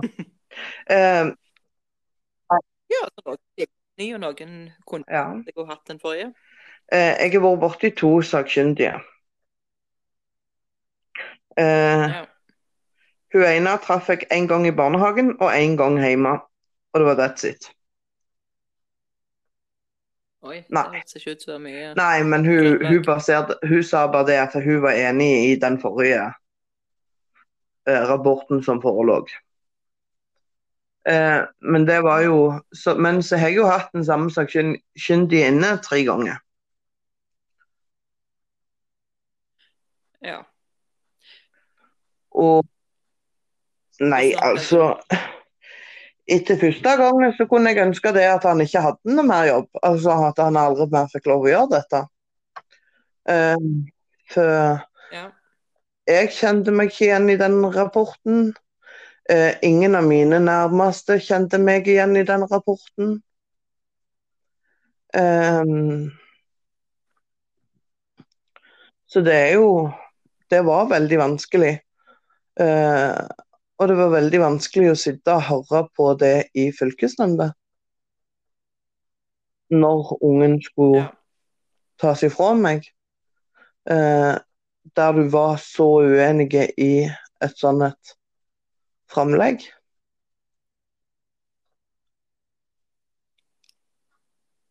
Så, så det var Hvordan reagerte du da å ha gang nummer to? Altså, Hva tanker gikk gjennom hodet ditt da for å klare Jeg å prøvde jo alt jeg, jeg, prøvde jo alt jeg kunne for å få han igjen. Ja. Hva argumenter brukte de da? Nå har vi satt han inn, inn på saken, han har allerede begynt. Å ja. Um, og ja vel, den rapporten den var mye mer nøytral, og den var ganske mye greiere enn rapport nummer én. Men klarer du å forholde det har skjedd de endringene som sakkyndig påpeker? Kan du si at ja, det har vært en utvikling? Jeg kjenner selv at de tingene som er blitt bedre i rapport nummer to, er noe jeg har jobba med. Er det sånn at du forstår ikke hvorfor endringene har Mm, Nei, Jeg forstår ikke hvorfor endringene kom til uttrykk. Jeg forstår ikke hvorfor leiligheten plutselig var fra ei rønne til en plutselig en leilighet. Eh, det eneste jeg hadde gjort, det var å feste opp et bord. Eh, eller få på plass et kjøkkenbord, eh, som jeg ikke hadde gangen før. For jeg hadde nettopp flytta inn. Eh, det var vel den store endringen jeg hadde gjort på leiligheten. Og det ifra et ja, ifra ei rønne til en leilighet. Og det var Det var jo en av de tingene som jeg prøvde å påpeke når det er så stor endring i Dette var til gang nummer to vi skulle i, i nemnda, da. Eh, der jeg prøvde å si at hallo, når det er så stor endring bare på én og samme leilighet, så må det jo være noe annet òg som jeg endrer på. I større grad enn personen meg. Eh, og så hadde jeg han inne for tredje gangen. Da skulle han se om jeg kunne ha samvær med begge ungene sammen. Og eh, jeg var omsorgsfull, jeg så ungene sitt behov, jeg gjorde ting på ungene sitt nivå. Alt, alt var bra, liksom. Eh, ifra, ifra to, på to og et halvt år så gikk han ifra det at jeg absolutt ikke måtte se ungene sammen, til at jeg så ungene sitt behov, og det var ingen problem å ha de sammen, og bla, bla, bla. Ungene, ja, ungene hadde blitt, blitt det eldre. Eh, jeg hadde ikke mottatt noen form for veiledning på de årene, sånn at jeg ikke gjort annet enn det jeg pleide å gjøre. Men eh, så det så, så jeg mener jo på at Ja. Det har Det har vært et Det har jo vært en, en læringskurve å lese disse rapportene og plutselig gå ifra å være det rødhålet og det dasset til å plutselig være brukbare. Det er jo uten å få veiledning. Det syns jeg har vært ganske mørksnodig. Ja, i hvert fall til å være Ja, no, nei, jeg er ikke veiledningsbar. Nei, så du har jo klart Mm. uten veiledning. Det var jo flaks, da. Så det Og, og så, men, men jeg syns òg det er vanskelig i forhold til disse med det her eh, sakkyndig i forhold til Jeg tror, jeg, jeg tror, jeg syns. Jeg tenker, jeg føler. Altså hvor mange ganger de kan skrive det i en rapport, og allikevel rapporten blir Altså, ja, men den sakkyndige tror det, da er det sånn. Den sakkyndige tenker det, da er det sånn.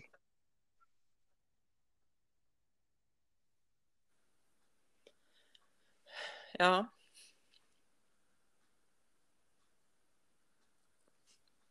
Ja, det var jo siste siste gang òg. Altså, Hva tenker ja, oh, ja, det var siste gang. Okay, det gang nummer tre, det var da jeg var, kunne ha samvær med begge ungene. Var gode. Ja. Eh, Ja. Men jeg prøvde jo å slippe han da òg. Men igjen så hadde han allerede begynt. Ja, Jeg har jo aldri opplevd å ha samme sakkyndige, men jeg har jo opplevd både etter barnevernloven og etter barneloven, sånn at jeg har vært gjennom eh, ganske eh, omfattende eh, utredning i hodet og ja, opp og ned i vente, kan en kanskje si, et bedre uttrykk. Eh, jeg, jeg kjenner Altså, eh, jeg må si at jeg syns Eller jeg tenker at eh, rettssikkerheten vår eh, blir bedre av en grundig utredning enn disse her veldig korte, tilfeldige, litt sånn eh, samtalene. Fordi at det, da, da føler jeg det er så tilfeldig hva fokus og til og med dagsformen kan spille inn eh, på resultatet av denne rapporten. Så, så jeg må si at jeg setter bedre pris både når jeg leser rapportene fra de litt grundigere enn de hastige, korte. Eh, hva, eh, men, men jeg har jo òg vært gjennom eh, jeg- altså, én, to, tre Er det fem? Femte okay. gangen jeg skal gjennom nå? Faktisk. Ja, jeg tror jeg er kommet så langt at det er fem. Eh, det er det kun én av de rapportene eh, som jeg kjenner at eh, jeg er uenig i. Eh, alle de andre eh, er jeg eh, fornøyd med. Jeg er enig med de, eh, kjenner meg igjen. I den ene kjenner jeg ikke så godt igjen. Og forskjellen Du sa Eh. du hadde vært både barneloven og barnevernloven. Er det noen sammenheng med det? Eh, det, det er litt vanskelig å svare på, egentlig. For jeg har bare hatt én etter barnevernloven, så det er litt vanskelig å sammenligne. Og så har de andre tre gangene vært etter barnevernloven. Eh, jeg, jeg må nok si at eh, eh, jeg gruer meg mye mer når det er sak i loven enn etter barnevernloven. Fordi at da, jeg har jo opplevd alltid godt samarbeid med Eller alltid, i hvert fall etter omsorgsovertakelsen, så har jeg opplevd godt samarbeid med barnevernstjenesten. Det har alltid vært liksom en, en sånn gjensidig forståelse av en del ting. Mens eh, etter eh, barneloven så, så er det mye mer sånn bingolotto, føler jeg. Eh, enten så holder sakkyndig og dommeren med den ene eller den andre. Og eh, erfaringene mine tilsier at eh, sakkyndige sin eh, eh, vurdering og konklusjon rapport eh, ofte blir tatt som på en måte ja, litt sånn alt dette her. Eh, sånn at dommeren ligger jo i stor grad til den rapporten. Eh, mens jeg føler i en barnevernssak så er det mange flere elementer som spiller inn i barnefordelingssak, så er det Ja. liksom den tingen. Eh, da handler det ikke så mye om så mye annet. Hvis, det, hvis du syns du er flink å samarbeide, og eh, sakkyndig ikke syns det, så er du fucka, liksom. Det, det nytter ikke at jo, men jeg har prøvd litt. Og, for det er én person du skal samarbeide med, det er far. Eh, I mitt tilfelle, siden jeg er dame, eller mor. Eh, mens i barnevernstjenesten så samarbeider du ofte med mange andre instanser. Og hvis du får det litt dårlig til med, med saksbehandler, så kan du vise til at jeg hadde en bedre saksbehandler før jeg samarbeider der. Jeg samarbeider godt med skole, ikke sant. Mens i forhold til far, eh, så er det ofte både følelser og det er mye mer. sånn at det, eh, Får du ikke det samarbeidet der, så blir du fort stempla som at du er dårlig til å samarbeide. Da er det sårbart i forhold til når du har tross alt litt flere å spille på enn bare Men- Så eh, ja. Og så opplever jeg nok òg at eh, i hvert fall sånn sist gang, så, så opplevde jeg at jeg ble litt sånn overkjørt i rettssystemet fordi at uh, nå skal ikke mamma få lov å ta seg til rette mer, så nå setter vi ned foten. Og det er liksom litt sånn. Og jeg følte det var litt sånn urimelig eh, opplegg. Og at, eh, men da var jo ikke jeg gjennom en sakkyndig vurdering, det var jo kun den ene parten som var det. Eh, sånn at eh, da følte jeg jeg ble straffa for at jeg ikke hadde vært gjennom. For at jeg hadde jo, de visste jo ikke helt hvordan jeg var, så da måtte de bare ta Ja.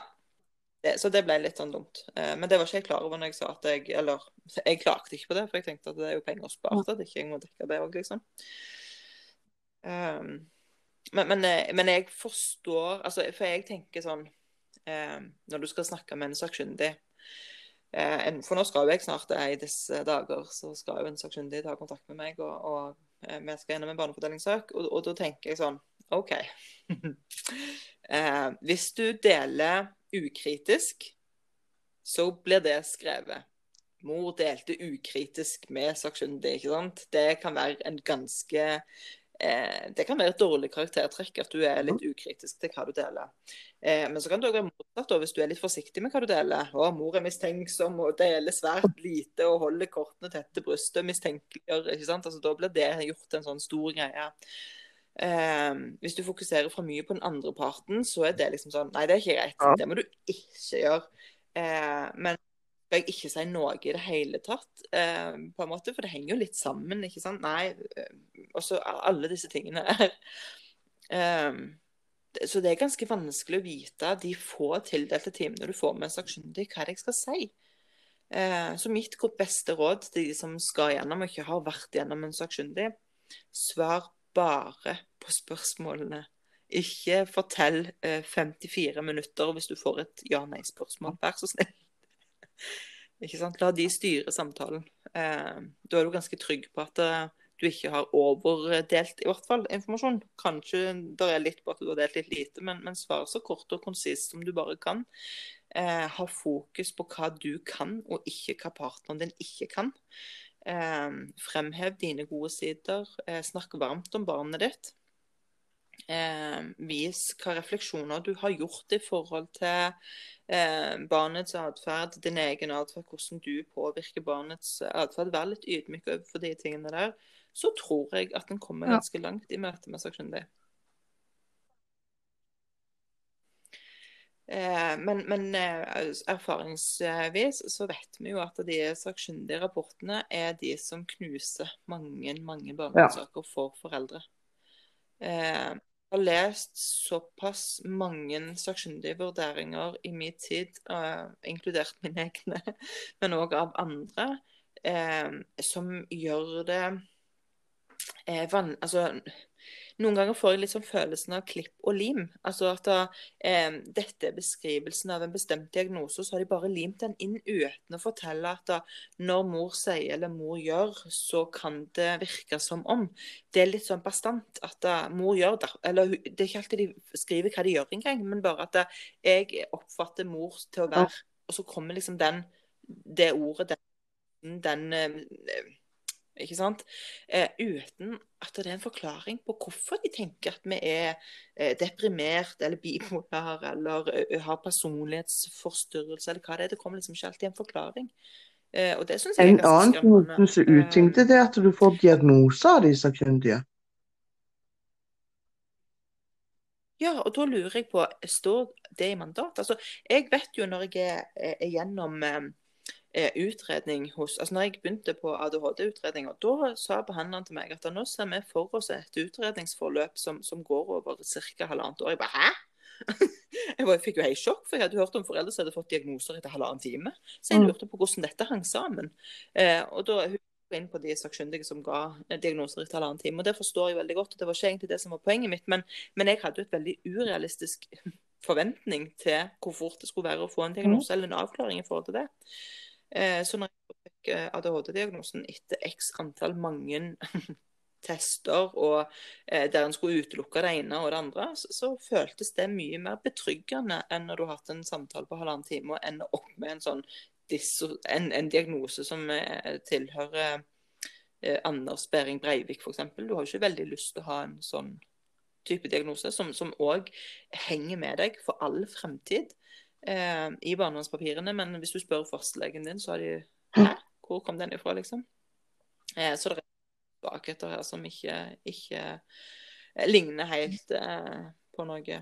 Um, og så er det jo også sånn at en, en, en sakkyndig rapport som er veldig ødeleggende for foreldre, har jo en holdbarhetstid på ja, rundt 25 år. Mens en RO-rapport blir jo oftere fornya, i håp kanskje om å finne noe grums enn en de som har virkelig slått rot rundt seg. Ehm, den eldste rapporten jeg har hørt om, tror jeg er 18 år, som noen opplevde at ble brukt mot dem. Og da var de unge, og så måtte de liksom forsvare det som skjedde i ungdommen. Det høres jo helt urimelig ut.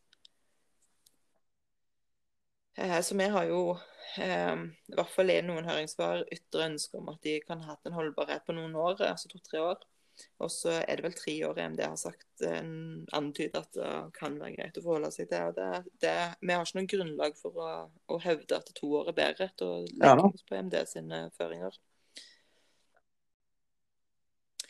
Eh, da er det egentlig bare Kanskje vi, skal, kanskje vi skal avrunde nå og snakke en annen gang om saksbehandlere i barnevernstjenesten. For det, der er det jo òg ganske mye vi kan si. Så det er sikkert en bare hele det. sending ja. eh, bare det. Jeg, jeg, tenker at for det som har vært så fantastisk og hørt helt til nå eh, Hele den halvannen timen pluss eh, skal få lov å eh, ja, ikke høre stemmen vår lenger, holdt jeg på å si. At vi bare takker for følget i kveld. Og så Eh, kommer det senere en episode om eh, saksbehandlere ja. i barnevernstjenesten. Ja.